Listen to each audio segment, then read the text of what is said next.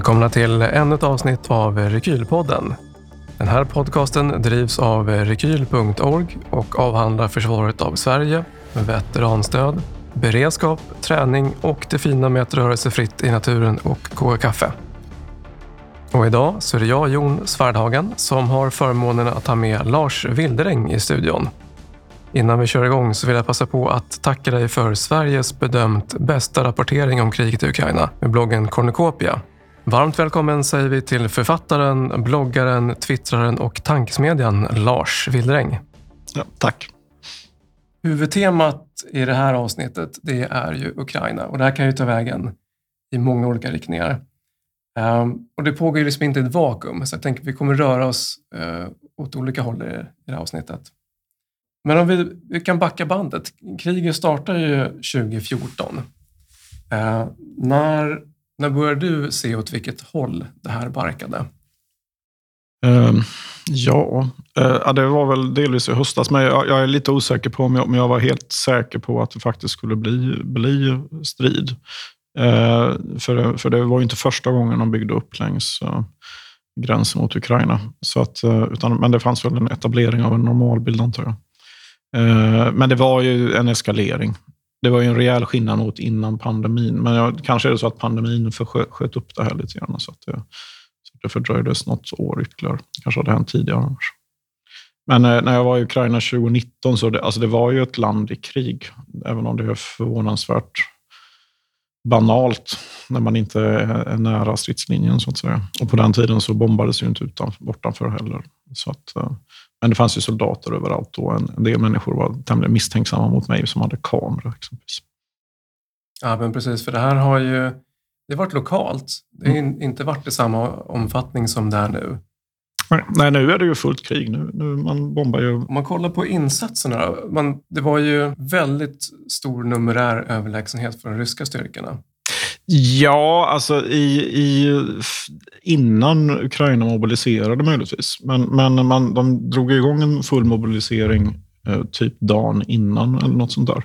Så de var ju igång med att, med att kalla in personal fullt ut. Och de hade ju, jag tror innan anfallet, som det var väl så här typ 180 000 ryska soldater plus flygvapen och sånt. Eh, så hade väl Ukraina runt 60 000 man eller någonting i vapen.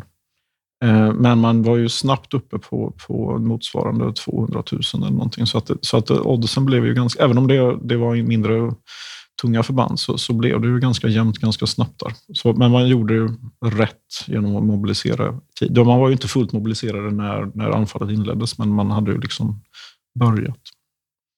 Just det. Hur lång tid tog det innan de, började, eh, innan de var färdigmobiliserade? Det vet jag inte. Uh, det fanns ju alltså att, att, man gjorde den här allmänna och kom så får du ett vapen. Eh, även de som inte så att säga hade kontrakt. Det, det började ju ske redan första dagen.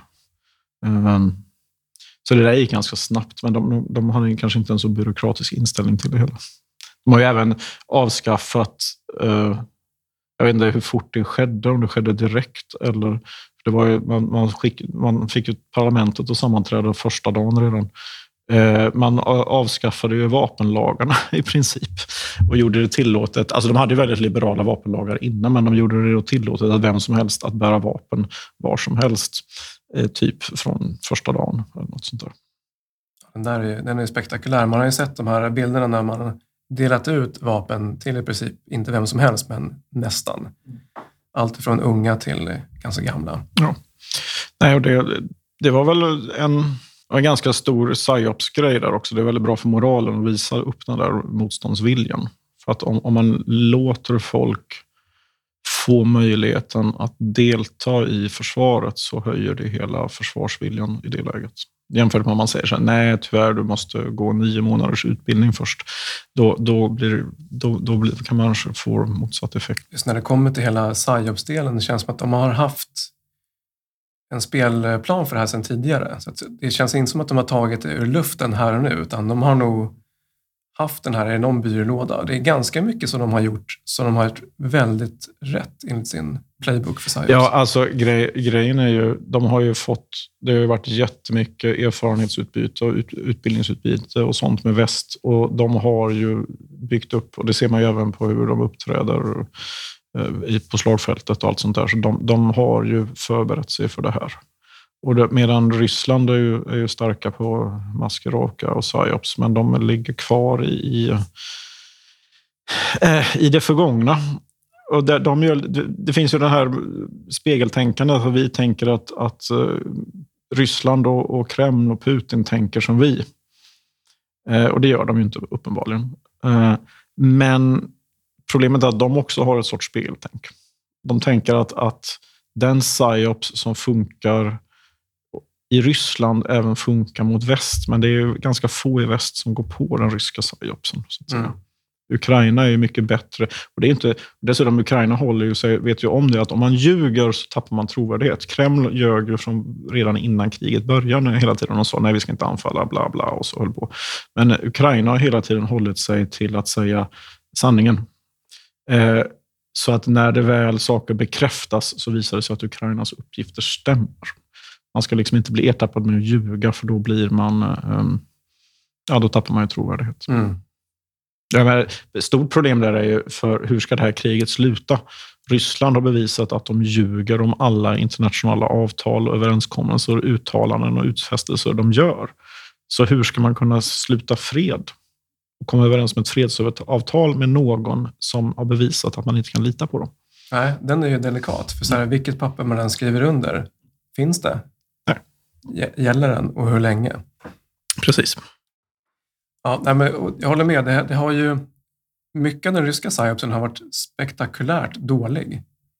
Eh, som du säger, de, de tittar på hur de själva använder den internt, inrikes. Och hoppas på samma effekt här där vi kan dubbelkolla källor och så vidare. Mm.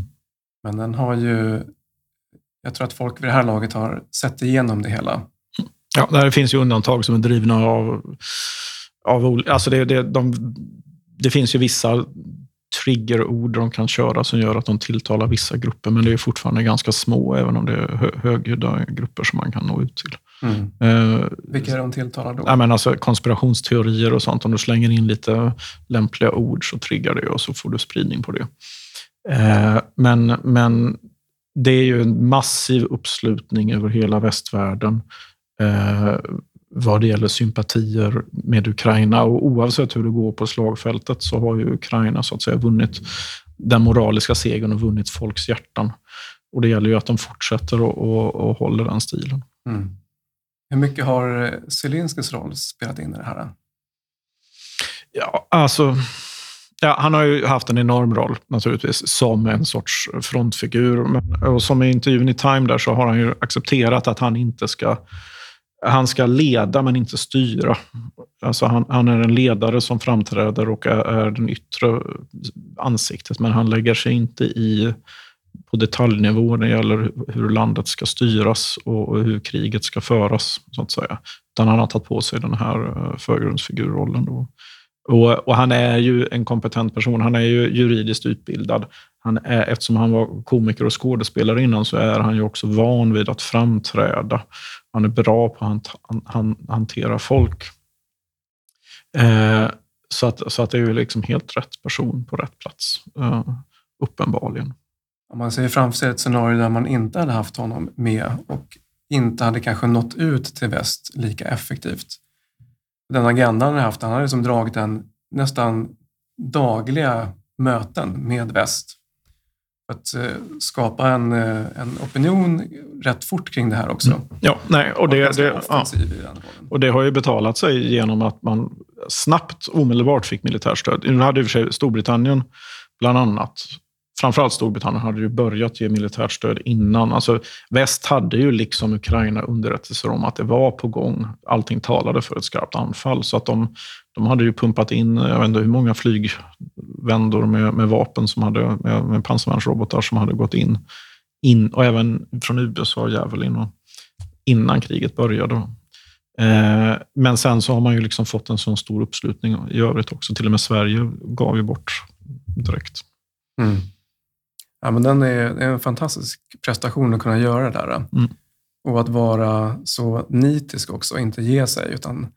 Han har ju spelat den här eh, playbooken riktigt fint faktiskt. Ja, nej, det, och det, det visar väl kanske också att, att, att han, är ju inte, han har ju inte politikerbakgrund på det viset heller. Och många av hans närmaste är inte heller en politikerbakgrund, utan kommer från media. En, en del är liksom typ bloggare och influencers och sånt. Alltså de kommer från ett annat, annat håll lite grann. Så de kanske har ett modernare tänk också och har inte... Ja, inte, inte, de har inte den typen av bunkermentalitet. Eh, och det har funkat. Eh, Ja, men om man kollar på, det finns ett, ett till krig som utspelar sig, mimkriget. Mm.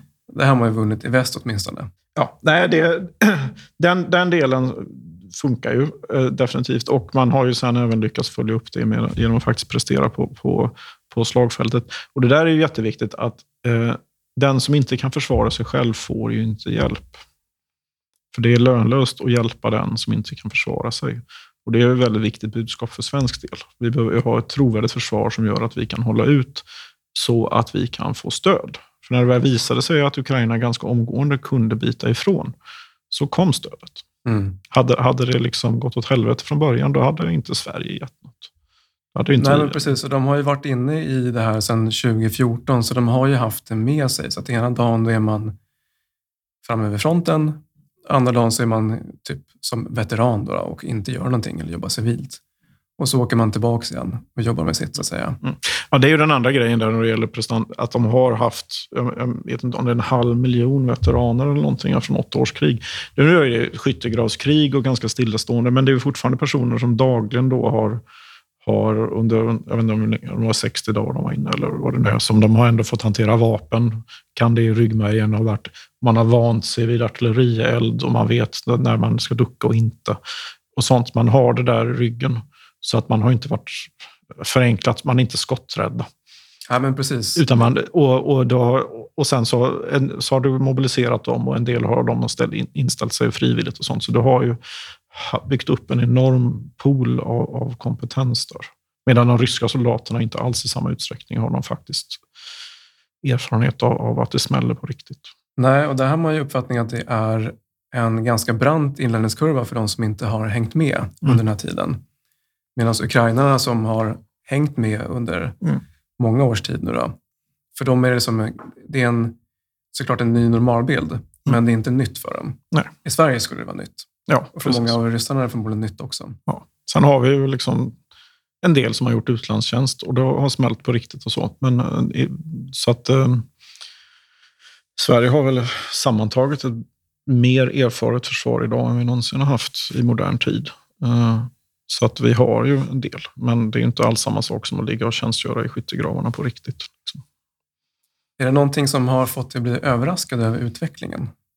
Ja, jo, det är en massa saker. Eh, jag, jag förväntade mig ju till exempel att... Eh, eh, eller den ryska nonchalansen har överraskat mig. Jag förväntade mig att när anfallet skulle komma så skulle man eh, kanske gå in lite grann över gränsen på vissa, och ta vissa viktiga platser. Men i övrigt så skulle man eh, eh, förbekämpa i någon vecka eller två.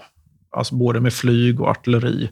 Nu hade ju Ukraina från början inte särskilt mycket trupp nära gränsen, för man visste att om man har det så skulle man bli förbekämpad. Eh, utan man, så att, att man släppte in eh, vid första anfallet var medvetet. Man kunde inte, alltså, ja, utan man, man fick helt enkelt offra lite terräng för att ha kvar sina förband. Eh, men jag hade förväntat mig mer förbekämpning. Ryssarna sköt så här två, tre kryssningsrobotar mot varje flygplats. Eh, och så trodde de att det skulle räcka. Och eh, som man såg där, några, alltså så här, ja men visst, ni satte terminalbyggnaden eller kontoret. Ja, men vad tusan spelar det för roll operativt? Det, det, och, och sen kanske någonstans så satt det en kryssningsrobotkrater i en, en rullbana som man snabbt kan fylla igen. Eh, och det räcker inte. Vad var det? Bra exempel var ju när Trump bombade den syriska flygbasen efter de hade satt in C-stridsmedel i Syrien vid ett av tillfällena där. De sköt de 70 Tomahawk-robotar mot en enda flygbas och de slog inte ut den. Att då skjuta tre stycken, det är liksom... hur tänkte de? Mm. De har inte till mycket robotar kanske, eller uppenbarligen. Men, men det är liksom som att ja, vi skjuter lite grann och så kommer de ge upp. Men så funkar det inte. Mm.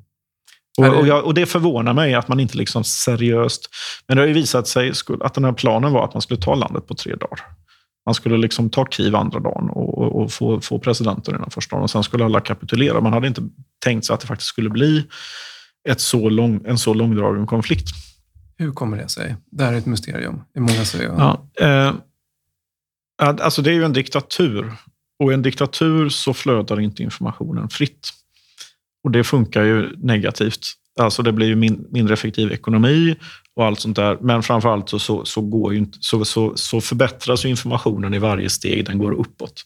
Och sen så får man berättar i större utsträckning det ens överordnade vill höra. Och, och då, så att de som bestämmer, inklusive hela vägen upp till puten, har inte känt till hur läget egentligen är. Eh, Eh, och man har väl helt enkelt varit högmodig och nu sitter man i skiten. Mm. Så att, eh, Tror du de har insett hur det ligger till nu? Är det inte säkert. Det finns garanterat de som har insett, för det har man, det har man ju sett uh, avlyssningar och vittnesmål och sånt ifrån, från enskilda soldater längre ner och även någon lägre officerare har jag sett avlyssnade grejer. Där man liksom säger att det är skit och vi kommer inte kunna vinna. Och det, det är bara rena slakten och sånt. Men sen är bara frågan hur mycket det, hur, hur det når hela vägen upp. Och men, ja, man gav ju upp Kiev till slut och insåg att det går inte. Eh, men sen så fick, det, fick väl Putin och övriga ledningen eh, garantier att ja, men om vi tar södra Ukraina först, då klarar vi så kan vi ta Kiev sen. eller något. Eh, men det funkar inte heller visar det sig. Så att alltså, du, du stör, när inte informationen flödar som den ska så, så blir det, tar du fel beslut. Det är liksom information är grunden till både ledning och, och, krishantering och allt sånt där. Och flödar inte informationen korrekt på grund av att du är en diktatur så blir det sämre.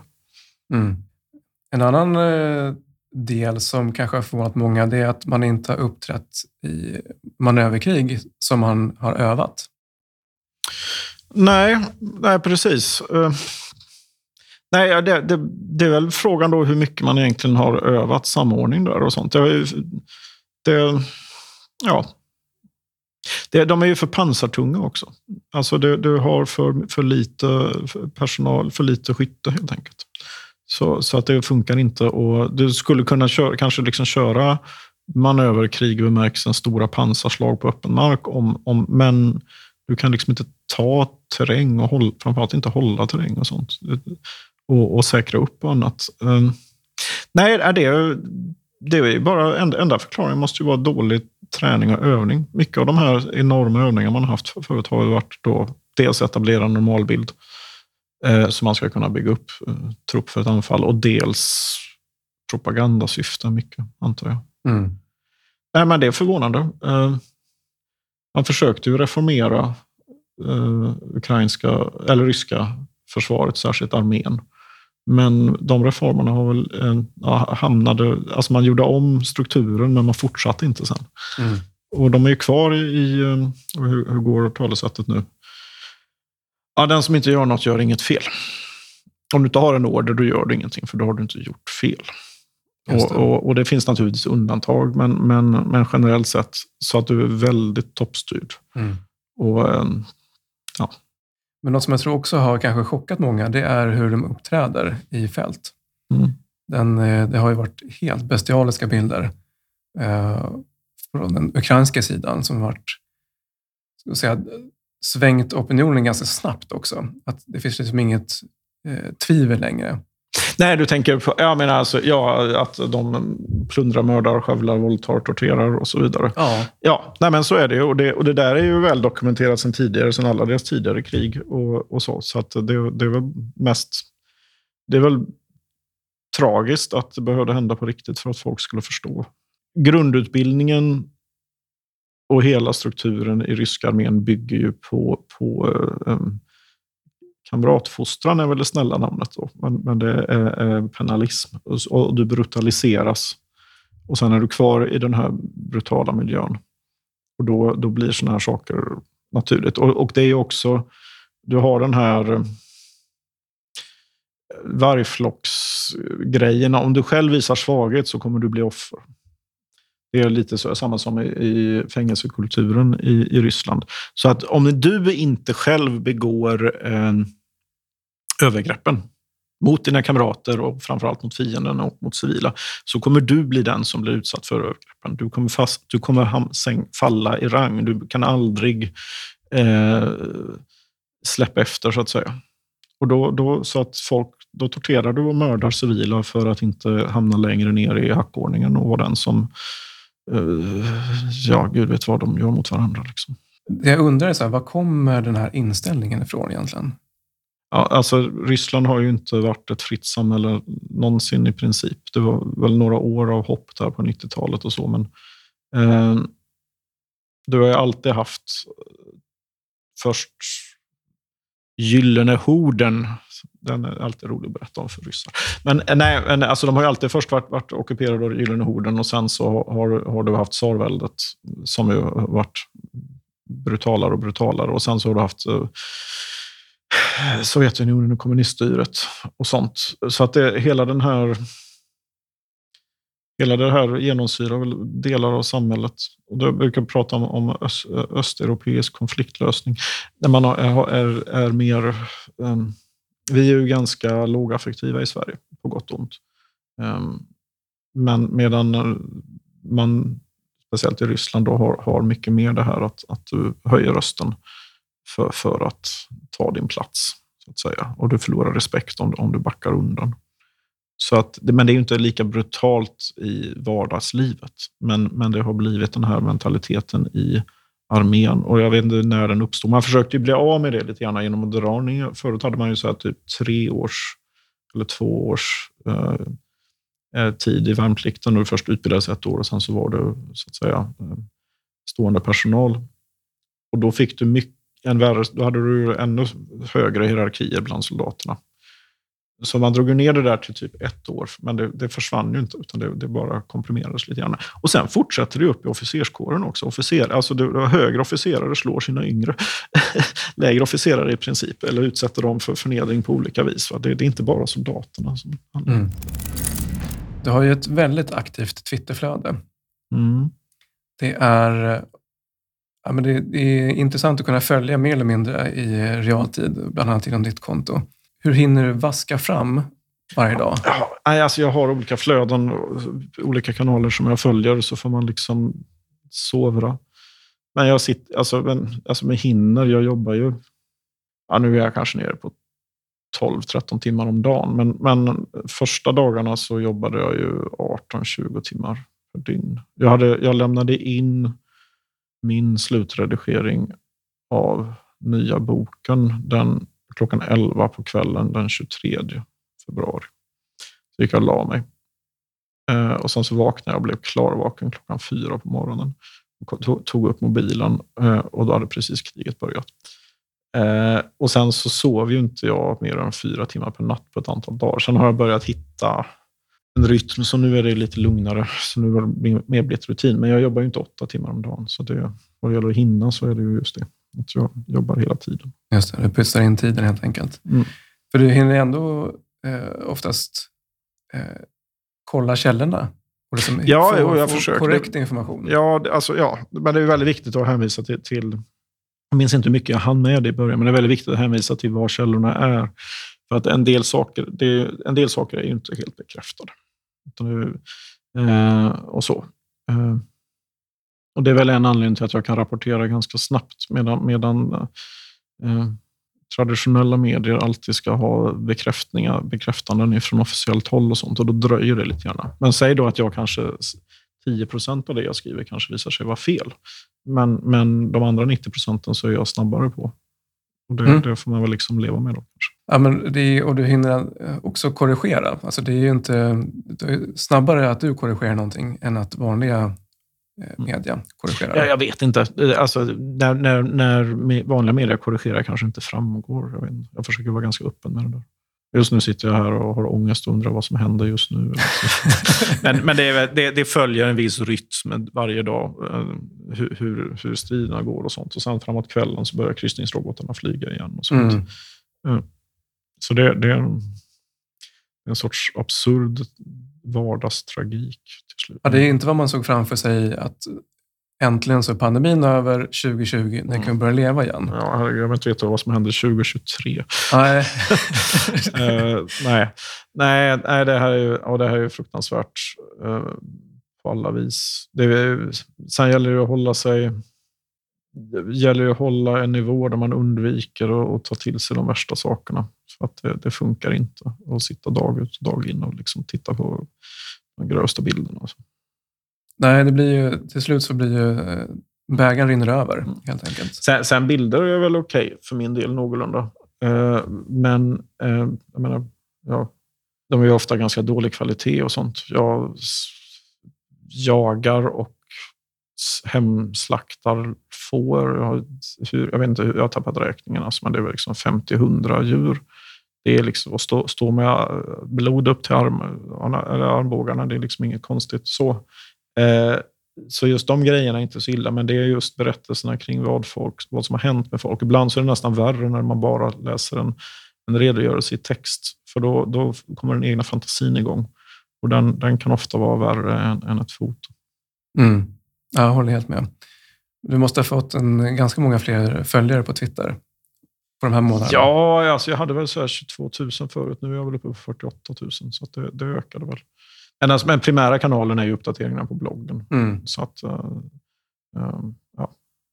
Sen har det väl lugnat ner sig lite grann. Jag gick väl upp till 40 000 någonting på Twitter första veckan på kriget och sen så har det liksom lugnat ner sig lite grann. Mm. Det finns ju liksom en...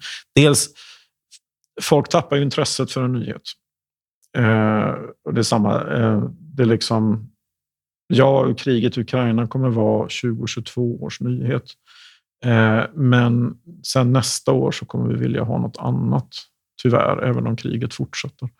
Eh, så det kommer liksom trilla ner i, i rubrikerna. Folk tröttnar. Och, men det är bara att fortsätta att belysa vad som pågår. Hur länge tror du att det kommer pågå det här? Ja, alltså först då, så, så, eftersom jag inte är en expert så kan jag säga att jag vet inte.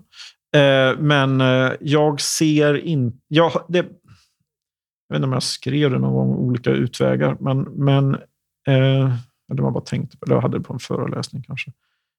Det snabbaste som kan hända är att Ryssland får någon slags seger. Exempelvis om man lyckas ta Azovstal i Mariupol. Och så utropar han, nu har vi uppnått våra mål. Och så säger han nu, nu tänker vi liksom avsluta konflikten, nu är vi nöjda. Dock så är det ju inte så att Ukraina nödvändigtvis går med på det, för de har ju eh, en ganska stark position. Men det skulle vara så att säga Putins nödutgång. Alternativt, det är ju om Putin dör och, och, det, och eh, det blir någon intern maktkamp, eventuellt inbördeskrig i Ryssland som skulle kunna liksom stoppa konflikten. Men annars kan det här hålla på, det har hållit på i åtta år redan. Eh, och det, det, kan ju, det kan ju hålla på att man får en, en höstoffensiv framåt augusti-september, inte otroligt, även om det kanske lugnar ner sig lite över sommaren eller något. Eh, att man gör nytt försök då och sen så kommer det att hålla på. Eller så hamnar det till slut i, i att man får någon sorts stilleståndslinje liknande det man fick från 2015 och, och ett skyttegravskrig som bara fortsätter. Eh, mm. Jag har väldigt svårt att se hur Ryssland ska kunna, eh, framförallt Kreml och Putin, ska kunna backa och behålla prestigen.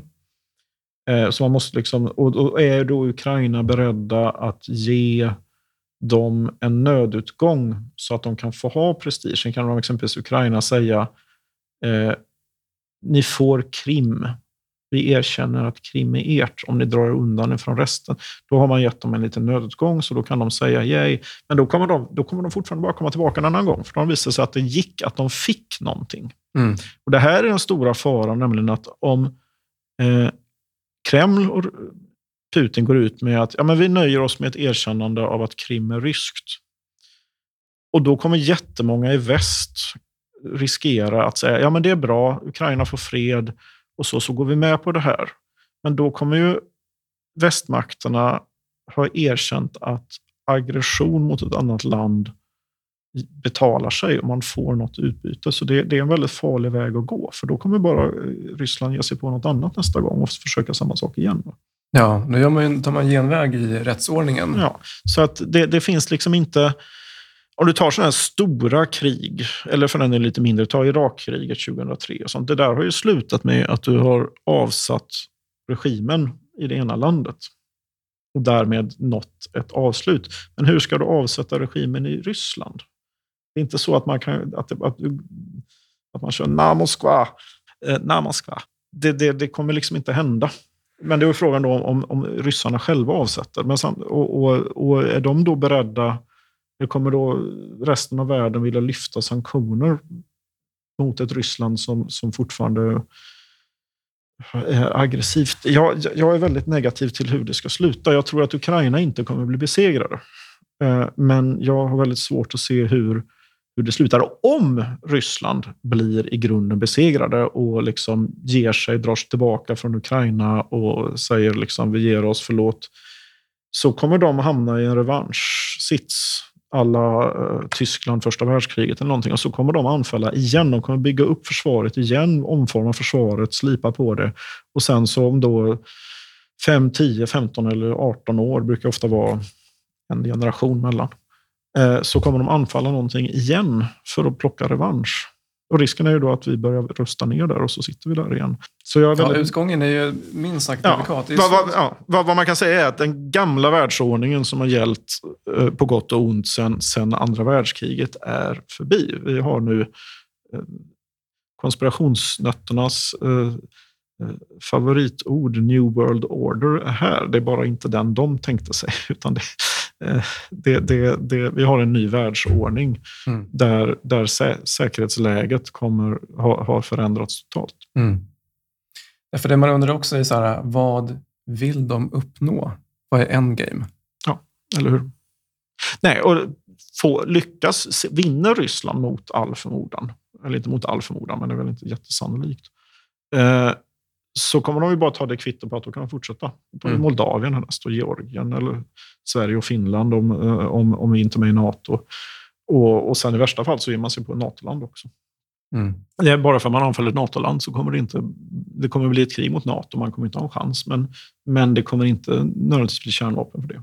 För NATO kommer inte använda kärnvapen om inte NATO... Alltså NATO det är inte NATO som använder kärnvapen, utan enskilda länder i NATO som har kärnvapen de kommer ju bara använda dem om de själva blir kärnvapen. Mm. Ja, för NATO och Ryssland har ju konfronterats tidigare. Till exempel när Turkiet sköt ner flygplan. Ja, eller hur? Och det, det var ju en och artikel fyra där och blev det väl. Då. Ja, nej, och det, det liksom hände inte mer med det. Eh, och du har haft proxykrig mellan Sovjetunionen och USA i Vietnam och sånt där. Och så. Det, det, Nej, alltså ett krig mellan NATO och Ryssland betyder inte per automatik kärnvapen. Det, det är det att ingen vet ju vad som... Vi har inte haft ett kärnvapenkrig, tack och lov. Ingen vet hur det skulle se ut. Nej, det är ingenting som man går och längtar efter nej, till vardags Om man tänker sig att det, det ligger nära till hands att det sprids till andra. Nu är, är man inne i Transnistrien och eh, Moldavien till exempel och härjar. Hur är risken att det liksom sprider vidare till andra länder? Ja, alltså Moldavien eh, det är en stor risk. De har inget starkt försvar eh, eller något sånt. Och de skulle definitivt behöva, behöva västs, EUs hjälp och sånt. Eh, det finns ju alltid risken att saker sprids oavsiktligt. Det, det, alltså, det hörs ju in i Polen när det bombas i Lviv. Och om en kryssningsrobot far fel Eh, det, det, man bombar ju Lviv för att det, det är en, en knutpunkt för, för väldigt mycket av, av det humanitära och militära stödet. Men ännu värre knutpunkter är ju gränskontrollerna. Man väl får för sig att bomba dem och sen så är det 100 meter fel så hamnar du i Polen. Mm. Eh, och, eh, och Det kan hända andra incidenter, någon flyg. Alltså ju mer vapen du har igång, desto, desto större risk är det att, det att det sker ett misstag och sen så är saker och ting igång. Mm. Ehm, jag vet inte. Det finns ju, ja. Jag kan inte bedöma risken, jag kan säga att den existerar. Ehm, och för Moldaviens del, absolut. Mm. Sen är det bara frågan hur mycket Ryssland klarar inte av Ukraina, så, så varför ska de ge sig på fler? Då får de ta väldigt lätt offer, någonting lättseger. Och det är ju en sån där grej att man skulle ge sig på Sverige och plocka Gotland bara för att säga ha, nu har vi tagit någonting, titta vi kan. Och så har man fått en liten revansch. Liksom. Mm. Ja, nu har man ju åtminstone utökat utbildningsinsatserna här på Gotland för... De, blir ju, de kommer ju, hemvärnet på Gotland kommer ju tjänstgöra mer än vad gamla tidvis tjänstgörande soldater i ordinarie försvaret gjorde eller gör. Mm. Så att det blir Sveriges mest, mest kvalificerade eh, förband helt plötsligt. Ja, det, är, ja, det går fort i hockey. Det, är ju, det geografiska läget av Gotland är ju delikat, minst sagt. Så det är många som eh, gärna vill att det är starkt, att säga. Mm. Inte bara Sverige, utan även andra västländer vill Mm. att ha ett starkt försvar av Gotland. Åtminstone ha tillgång till Gotland. Mm. Nej, alltså Danmark har ju inte haft några NATO-baser eh, eh, på sin mark på evigheters... Möjligen att de, hade, de hade ju sin ledningscentral i någon bunker byggd i jorden där någonstans. Men den, den, den delen har flyttat ju till Reitan i Oslo, så det kanske fanns då. Men de har ju, begärt, de har ju efterfrågat nu, eh, bett USA, om, om inte USA vill ha baser i Danmark, specifikt Bornholm tror jag till och med. Eh, bara för att liksom säkra den tryggheten. Och det är ju att, att vi hyr ut lite utrymme på, i Fårösund till amerikanska flottan liksom. det, och marinkåren. Det vore ju inte fel. Liksom. Det, det, eh, Ja, sen har vi ju Åland också som är mm, ja, den är ju en, det är. Men det är också då frågan, för nu har vi en ny då världsordning, så vad gäller Åland? Ska man respektera ett avtal med Ryssland gällande Åland när Ryssland inte respekterar internationella avtal? Mm. Det är inte så att Ryssland, om de skulle vilja anfalla Finland eller Sverige eller NATO, skulle strunta i att sätta i land trupp på Åland för att de har ett avtal som säger att de inte får det. De kommer ju fullständigt strunta i sådana avtal. Så vad ska man då hedra det avtalet i fredstid eller ska man börja militarisera Åland igen? Mm. Men det är, nå- det är en fråga för finnarna. Jag är inte in, tillräckligt insatt för att säga bu eller bä där. Ja, men Bieffekten av allt det här också, det är att man nu har eh, dragit både Sverige och Finland i princip in i NATO. Det var nog inte ambitionsnivån, misstänker jag, från start. Nej, det tror jag inte. Nej. Eh, sen får vi, vi är ju inte där än. Vi får ju se. Om, Ja, om- time will tell, som man säger. Ja, precis. Det var idag den 4 maj. Eh, nej, å andra sidan genom att... De vill naturligtvis, rent militärt så vill man ju inte ha Sverige och Finland i NATO. Men om väl Sverige och Finland går med i NATO så kommer man ju för den interna propagandan använda det och till olika måla upp saker. Att, ja, du vet, vi är ju nazister nu i Sverige också tydligen. Eh, och eftersom Sverige är nazister som vi går med i NATO så är NATO nazister. Så, så, så att man kommer ju använda det för propagandasyfte, men det är Mm. fullständigt bullshit naturligtvis. Um, men man, man kommer ju försöka nyttja allting till sin egen fördel. Men det är inte ett skäl till att inte gå med i NATO. För vi ska, bara, vi ska inte tänka på vad som är, hur Ryssland ska använda det. Vi ska bara tänka på vår egen säkerhet. Ja, det är så dags nu. När Jag menar, Alternativ. Ja, alternativet är ju att vi i lägger 4-5 procent av BNP på försvaret i 10-15 år för att uppnå ett tillräcklig försvarsförmåga. Och kanske till och med borde bryta mot spridningsavtalet och börja skaffa egna kärnvapen. Liksom. Eh, I avskräckande syfte. Eh, eller så lägger vi 2 procent och så är vi med i NATO. Och så får vi dessutom då den, försvars, den, den säkerheten imorgon istället för om 15 år. Det är liksom det. Och sen så kan vi sitta och bråka precis hur mycket vi vill partipolitiskt och internt och käbbla om Gud vet vad vi har för, för frågor. För då är vi trygga och säkra att vår demokrati och säkerhet och frihet är, är, är tryggad. Eh, och då kan vi bråka hur mycket vi vill, men tills dess behöver vi inte bråka. Det har varit intressant att se hur vissa har varit ganska pragmatiska i den här inställningen och sett att det är vi ser inte världen för vad vi vill att den ska vara, utan för vad den är. Eh, och sen finns det de som fortfarande eller kanske behöver ytterligare, var det 79 eller 74 års betänketid för att komma vidare. Ja, och, och NATO-debatten drog igång 2015 ordentligt i Sverige. Alltså det, det har ju funnits hela tiden, men det är ju inget nytt det här. 20, sen eh, januari 2016 så gick ju både Moderaterna och Kristdemokraterna ut på försvarskonferensen i Sälen och sa att Sverige ska in i NATO och sånt. Eh, så att eh, så det där är ingen ny debatt. Även om en del vill hävda att det är en ny debatt.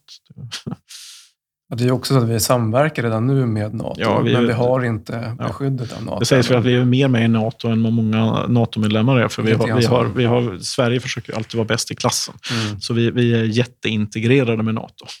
Det där med bäst i klassen, jag tror den kan man även ta ut i det här viljan att eh, framstå som, vad ska man säga, stå på lite högre moralisk grund. Men den kommer också så här, det- är också, nu har vi en situation där man kanske behöver vara mer solidarisk Ja. med andra länder än man varit. Ja, Vi har varit undfallande Mm. lite väl mycket under ganska många Och det är år. ju det. NATO handlar ju om solidaritet med de andra medlemmarna.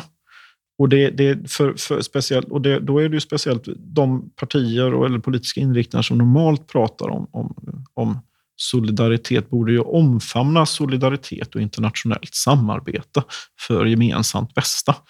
Det är på samma sätt som de, man omfamnar EU eller internationella avtal och annat sånt där, så, är, så är det ju liksom Det har liksom aldrig varit mer aktuellt att ta ställning för Nej. saker Nej. än vad det har varit nu. Nej, det, är, det är ju en tacksam konflikt nu för att Ryssland och Putin och Kreml visar ju sig vara... Alltså det, det är ondska. Eh, det är liksom inte någon gråskala. Utan så att... Det, det, det är rätt tydligt vilken sida som man ska stå på moraliskt. Ja, för, ja men precis. Det, för de flesta har det varit det. För andra så är det fortfarande svårt att välja sida. Men det är något som har slagit mig är att det är en hel del personer som måste tycka till om den här debatten. Som kanske inte är, som inte har brytt sig om den tidigare, men som nu dyker upp och eh, på något vänster har någon åsikt. Då. Ja, eller hur? Det... Ja, men alltså det, det, naturligtvis så, så hör det till att folk får tycka och säga vad de vill och så. Men, men det är också, ja, det, det är lite sent kanske att säga. Om de helt plötsligt säger ja, vi måste försvara oss själva, vi ska inte vara med i NATO. Ja, men vad var deras förslag om att lägga 5% av BNP då i 10-15 år? Eller skaffa egna kärnvapen också. Vad var de förslagen innan? De, och de finns inte nu heller. Det är någon sorts, vi ska sudda vidare på 1% och på något sätt kunna försvara oss själva. Det är liksom inte ett alternativ idag. Mm. Det, En annan del är ju att titta på medieklimatet, vad man har rapporterat också. Framförallt tidigt i kriget så var det att man ville ge båda sidor, så att säga, jag air quotes här med båda sidor, rätten att tycka till och säga sitt, så att säga. det är ju ehm, i mitt tycke fel. Därför att du, du, vad, vad talesättet är att om, om en person säger att det regnar och en säger att det inte gör det så ska inte journalisten skildra säga, återberätta bägge utan då ska man öppna fönstret och titta om det regnar. Ja, det Eh, och, och, eh, och det finns liksom inte... Det finns inga skäl att föra vidare bevisade lögnare och diktaturers uttalanden. Det, det, att media bör gå med på att liksom föra vidare lögner bara för att de säger ja men Kreml sa det här. Nej, men, ja, det är inte en nyhet att Kreml sade någonting som var en lögn. Det behöver liksom inte föras vidare på det viset. Och eh, vad det gäller objektiviteten och sånt eh, i svenska medier så ska det ju, eh, och, och neutralitet och sånt inom då, speciellt statliga medier, privata medier är ju hur de vill, så borde det ju tillämpas i Sverige. Sverige är ju inte neutralt internationellt. Vi är med i EU och vi, vi samarbetar med NATO och så vidare. Vi är inte neutrala längre. Eh, och ur det kontexten så behöver inte svenska statsmedier vara neutrala heller, anser jag. Utan då, då kan de driva den svenska internationella linjen istället. Vad, vad som är rätt och vad som är fel. Och, vi har, och det finns ju även inskrivet i, i, i public service eh, uppdrag och stadgar eller vad det nu är, kring vissa värderingar som de ska stå för. Och de inkluderar ju inte diktatur och förföljelse av folk och folkmord och, och etnisk rensning och sådana här saker. Va? Det ingår inte i värdegrunden som, som, som statsmedia ska ha. Mm. Så varför ska man då låta sådana som står för detta få fri låda? Det, mm. Ja, sen, sen, sen är det ju jätte... Man får, sen har de liksom plockat in experter som har satt ditten och datten som har visat sig vara fel. Och sen någon som har haft rätt och så. Men det är liksom inte så jäkla lätt alla har inte alla samma information. och så. Och Det är också det här med expert i media betyder att det är någon som var villig att ställa upp och prata i studion. Det betyder inte nödvändigtvis att man är den som kan mest. Det... Ja, den har varit delikat och det, jag tänker också i en situation där det kanske kan bli eh, aktuellt att titta på Sveriges säkerhet. Vilken, vilken kanal ska man lystra till? Den är också delikat. Man vill ju inte uppmanas att lyssna på vissa kanaler om de inte kan leverera någonting som är liksom till Sveriges gang, så att säga. Eller hur? Nej, det är svårt. Ehm, det finns alltså... Mm, mm. Det är inga, inga enkla grejer där. Det, det finns ju ålagt att, att i händelse av krig och sånt så ska statsmedia kontrolleras av, av, staten. Men samtidigt har de själva gått ut och sagt att de inte vill det. De vill fortsätta vara oberoende. Och det är ju eh, skitkonstigt. Ehm, det är inte så att de kommer finnas kvar om, om vi skulle bli ockuperade av Ryssland. Liksom. Eller ja, SVT skulle finnas kvar. Det är bara personalen som skulle bytas ut. Och Gud vet vad de skulle ta vägen. Att det är det är det som händer i de här filtreringslägren i Ryssland, eller Ukraina, i ockuperade Ukraina. Att eh, personer inom media försvinner. Mm. Ja, de har ju i princip haft listor på folk mm. och sugit in dem rätt mm. tidigt i ockupationen och ja. kriget. Mm. Ja, den där är eh, ohygglig. Alltså det, hela utvecklingen är verkligen eh, så bortom 2022 som åtminstone jag såg framför mig. Ja, ja nej, det, det här, nej, och det, det, här liksom vänder ju just den här ondskan och brutaliteten, det här mörkret. Det är liksom... Eh, ja, det är direkt chockerande. Uh. Om man kollar på hur utvecklingen på fält, slagfältet har gått här också, så har det ju varit uh, rätt mycket jägarstrid som har vunnit mark. Mm. Hur, hur, kan vi ta med oss det här till Sverige? Ja, det, det är väl så här att Sverige har tagit med sig en del av det här till Ukraina. Vi har ju varit nere och utbildat. Mm. Och folk har ju då så här, vad kan Sverige erbjuda Ukraina som har varit i krig si och så länge? Men det, visar, det är väldigt många saker som man ser där är ju som plockade ur, ur, ur hur svensk jägarstrid begås. Det utförs. Nu, nu är det ju så att uh, det är ju inte bara jägarstrid, men om vi, stora delar är annat. Men, men om man tittar på det så visar det sig att väldigt, det är väldigt många svenska sätt som vi har planerat på att strida visar sig eh, fungera. Det är ju eh, någon sorts facit att vi har tänkt rätt. Sen så gäller det att man ska kunna utföra det också, vilket ukrainarna har klarat av att göra. Mm. Eh, men, så att vi, vi har tänkt rätt i många grejer. Sen, så, sen har man ju inte all information om man, kring det här. Men, men vi, har, vi, vi har inte varit fel ute. Och framförallt så har det visat sig att Ryssland är väldigt sårbara för det här. Mm. Och de vet inte. De, men det är, de har inte tillräckligt mycket skytte, som sagt. De kan inte säkra. Eh, jag, jag pratade med en person som hade um, av anledningar kört genom Ukraina, uh, genom stridszonen uh, i ärenden. Uh, och det var väldigt tydligt att ryssarna, och det här var de första veckorna i kriget, ryssarna fanns i fronten och sen fanns de i vissa vägkorsningar.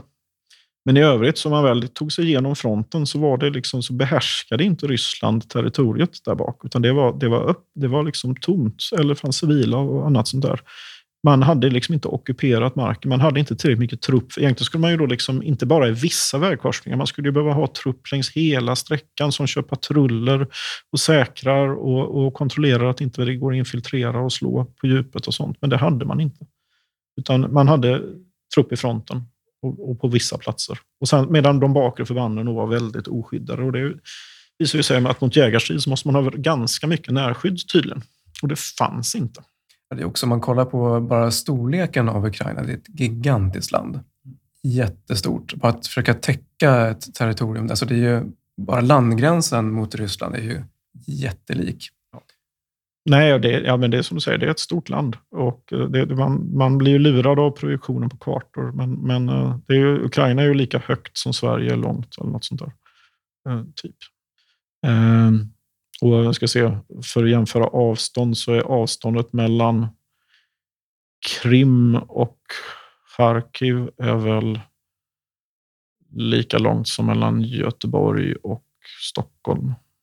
Alltså, och det, Mm. det, det är däremellan som, som slaget om Donbass sker. Det är liksom hela södra Sverige i storlek. Det, är- så när man har hört talas om byar så kan det handla om städer på 5-10 000 pers. Liksom. Ja, men det, precis. det, mm, Sverige är ju ganska glesbefolkat igen. Ja, och så drar man över analogt då, om man kollar på eh, ett hot mot Sverige, så har vi en helt annan typ. Alltså, vi har ju vatten emellan. Ja. Det går inte bara att rulla över Nej. på ett enkelt sätt. Nej, och där har ju visat sig att, att eh, sjömålsrobotar kanske fungerar bra. Ja, det verkar ha gjort Och, det. och då har vi inte ens börjat prata om ubåtar än. Eller, att, eller attackflyg med, med sjömålsrobot och annat. Jag, jag tror att eh, det, är en anledning jag har skrivit det på bloggen. Det föreligger inte ett akut invasionshot mot Sverige just nu. För större delen av eh, Östersjöflottans landstigningskapacitet är nere i Svarta havet. Och liksom trupperna och sånt. Så att eh, man, de kan skjuta kryssningsrobotar på oss kanske, men inta inte Gotska Sandön kanske. Men, men, men eh, nej, det där är en enorm tröskel. Och, och det är väldigt viktigt att, att vi bevarar den. Så att, eh, det har blivit väldigt mycket fokus på att vi ska bygga ut armén och det är väl bra. Men eh, vi behöver ha ubåtar, utstridsfartyg, tung kustrobot, marin är vår, vår amfibiekår och vi behöver ha våra JAS-plan. Mm. Gripenplan. Ja, men det är ytterst de som kommer möta, som kommer att stå först, Mm. så att säga. Eh, Alternativet är ju att, att eh, Ryssland traskar genom Finland och då, då vet jag inte om det är värre än, än vår. Det, det, kan, det kan ta tid. Ja. Det har ju inte visat sig funka tidigare, så att säga. Nej. Så att, eh, nej. Och de är också på tårna, det här Mm. laget. Mm. De har alltid varit på tårna. Ja. De har liksom inte packat ihop försvaret som vi har gjort. Nej, nej, på samma precis. Nej, de är ju väldigt kostnadseffektiva också. Mm. De är ju inte vi, vi, en anledning till att de har billigare försvar men större försvar är ju att, att vi har, har ju vi har ju satsat och bibehållit, vi, vi har ju behållit väldigt mycket av flygvapnet. Vi har ju lagt ner väldigt mycket av flottan, men, men flygvapnet är ju ganska intakt och kostar ju rätt mycket pengar. Eh, Men det är ju en rejäl resurs. Eh, Och som man ser i Ukraina så är Ryssland usla på att, ehm, att bekämpa det ukrainska flygvapnet som är baserat någonstans. Där är ju sådana saker, apropå det att vi får se lite grejer på jägarstrid och sånt. Va? Men, vad, men Ukraina säger ju inte ett pip om vart de har trollat bort sitt flygvapen. Mm. Men, de, men det är fortfarande aktivt och fungerar. Men de liksom, ingenting vad de är baserade och då eh, och, jag menar, och I Sverige har vi ju, varenda kommun har en egen flygplats. Förutom att vi kan starta och landa på vägsträckor och sånt. Och Det finns ju ett lätt koncept när man bara behöver några man för att kunna plocka ner ett flygplan och sånt. Eh, så att när väl efter första smällen då, så, så kommer ju inte Ryssland kunna hitta svenska flygvapnet på marken. Det, det, Nej, och en annan faktor i Ukraina är att Ukraina har ju byggt mycket av den ryska materielen. Det är en stor Mm, ja. krigsindustri baserad. Ja, eller hur? Det är väldigt eh, Ja, precis. Och det är Ukraina, Ryssland kan inte bygga de grejerna själva. nu. Nej, den blir ju lite marig. Jag tror även en del av eh, telekrigsdelen är konstruerad. Jag- har inte verifierat det, men jag har för mig att det är så att den är konstruerad i Ukraina. Ja, ja, Vilket det, gjort att de haft hyggligt enkelt när de bogserat bort eh, telekrigsfordon då, med traktorer ja, att kunna använda ja, dem men själva. det stämmer säkert. Mm. Sen nyare ryska system innehåller ju komponenter från väst också. Mm, som Så- kan bli mäckiga att få tag på. Ja, och, ja, som styr, styrsystem, eh, chip och annat och, och Mm. sensorer och grejer. Så att du kan inte bygga nya, du kan bygga nya dumma bomber, Mm. men eh, du kan inte bygga nya smarta vapen. Mm. Ja, den blir delikat. Finns det några ljuspunkter i det här då? Ja, alltså ljuspunkter är ju, är ju eh, den otroliga respekt eh, som, som ukrainska folket har fått. Och, och, och jag tror att om, om det här kriget kan ta ett, få ett slut så tror jag att många kommer vilja hjälpa till att bygga upp Ukraina på olika vis. Inklusive investera som företag och åka dit som turister och annat sånt där. För att eh, Ukraina och ukrainska folket har vunnit mångas hjärtan.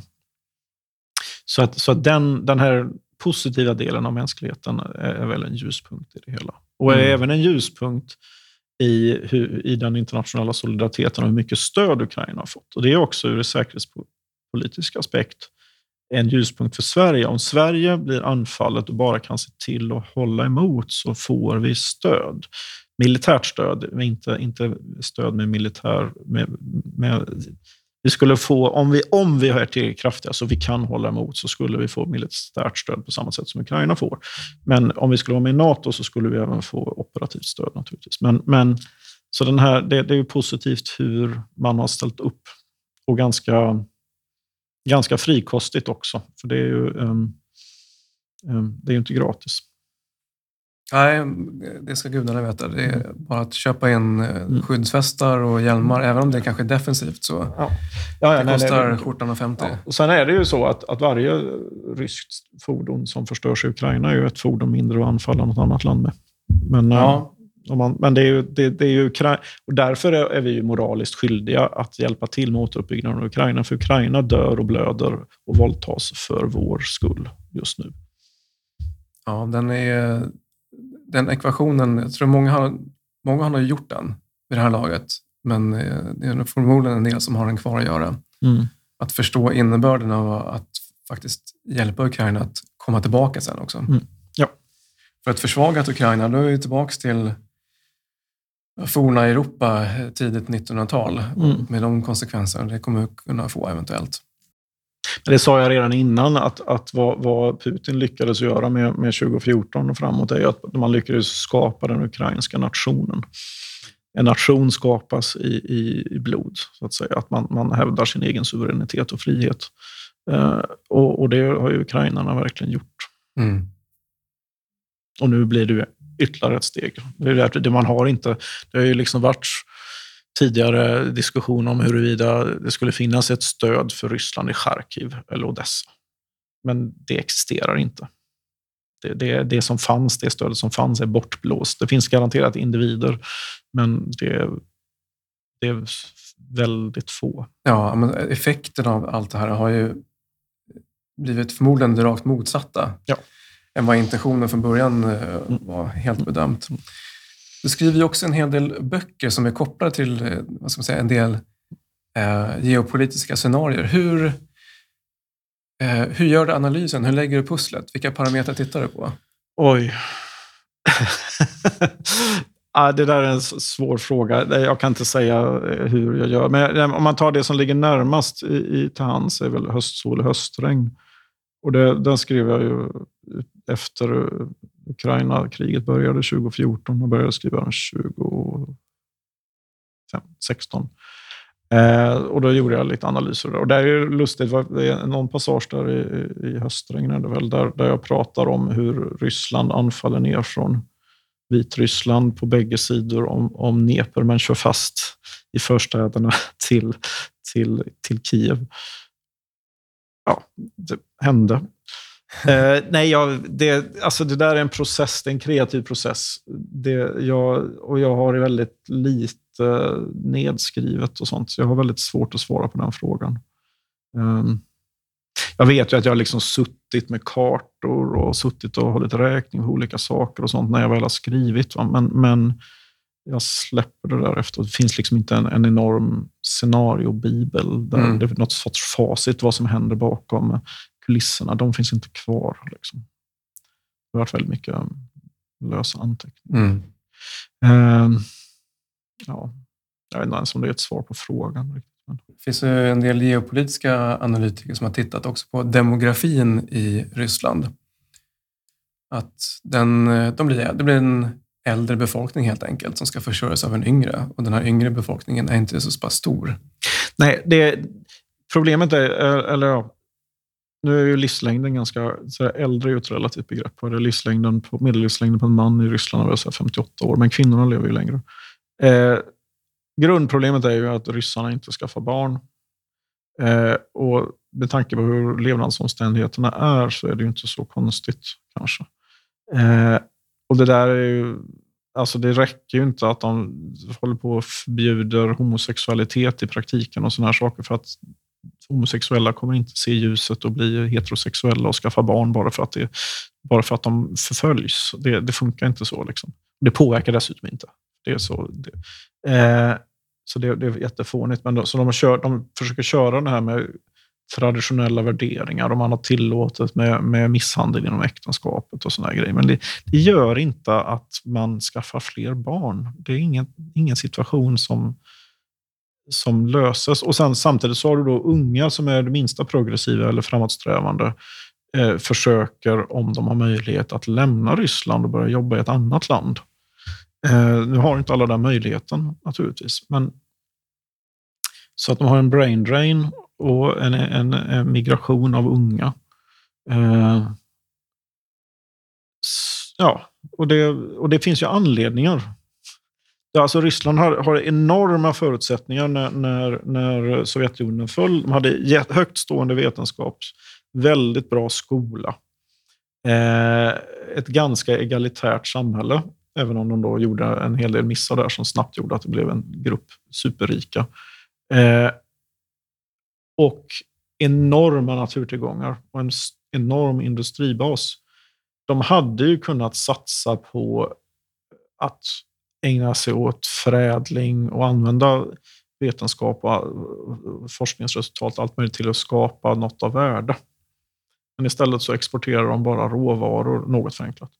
Råvaror och någon annan får skapa värdet med de där råvarorna. Mm. Och sen, sen säljer tillbaka till Ryssland. Mm. Alltså något förenklat så exporterar Ryssland stål till BMW som tillverkar bilar och säljer tillbaka dem till Ryssland. Alltså det, det, det är liksom inte en, en det, det, är inte ett sätt man skapar välstånd på, annat än för en liten, liten klick.